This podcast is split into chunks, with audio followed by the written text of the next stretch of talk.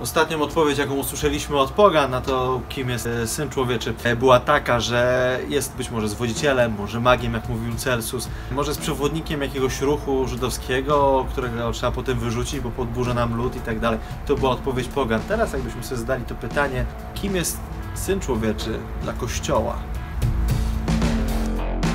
Co w takim razie Kościół odpowiada na pytanie, kim jest e, Syn Człowieczy dla, dla Niego. Zanim odpowiem na to pytanie, to najpierw trzeba by zobaczyć trzy takie rzeczy, z którymi trzeba było się zmierzyć. Pierwsza rzecz to była tak zwana herezja, czyli tego, że Chrystus wcale nie jest Synem Bożym, nie jest Bogiem, tylko jest stworzeniem, jednym ze stworzeń. I na to trzeba było odpowiedzieć, czyli obronić boskość w ogóle Chrystusa.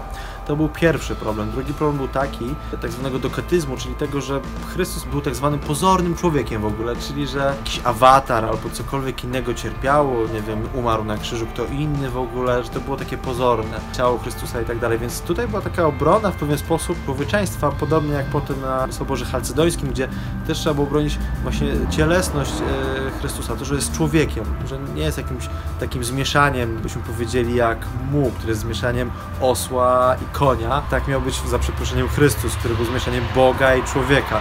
Więc Chalcedoński so- Sobór musiał postawić właśnie taką tezę. I potem po tym Soborze piękny list mamy Leona Wielkiego, który opisuje o tym, że Chrystus rzeczywiście cierpiał jako człowiek. Doskwierał mu też, nie wiem, głód, pragnienie, tak jak prawdziwemu człowiekowi, więc w jaki sposób Kościół na to pytanie odpowiada, rzeczywiście Chrystus był człowiekiem jak najbardziej. Natomiast z drugiej strony musiał się mierzyć też z tym, żeby obronić jego boskość. Dlatego te odpowiedzi Kościoła, trochę takie dalekie od tego, co my byśmy chcieli usłyszeć. O tym historycznym Chrystusie, o tym, że był w pełni takim człowiekiem, ale z drugiej strony też był Bogiem. I że te, w tej jednej osobie zeszły się dwie natury, czyli i Bóg, i człowiek. Kościół się z tym mierzył.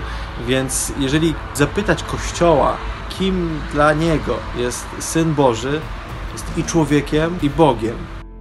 Kościół, można powiedzieć, dochodzi do romantycznej wizji tego, że Chrystus jest w pełni człowiekiem i w pełni Bogiem. I to starczyło na kilkanaście wieków, ale czy na pewno tak się zakończyło? Czy ta odpowiedź wystarcza na to, żeby powiedzieć, jaki był Chrystus tak naprawdę? Jak wyglądał, jak się zachowywał, jakim był człowiekiem, jaką był postacią historyczną? No na to będzie trzeba poczekać jeszcze kilkanaście wieków, bo ta odpowiedź, którą dał Kościół wcale nie wystarczała niektórym ludziom, a to już będzie w następnym odcinku, więc do zobaczenia.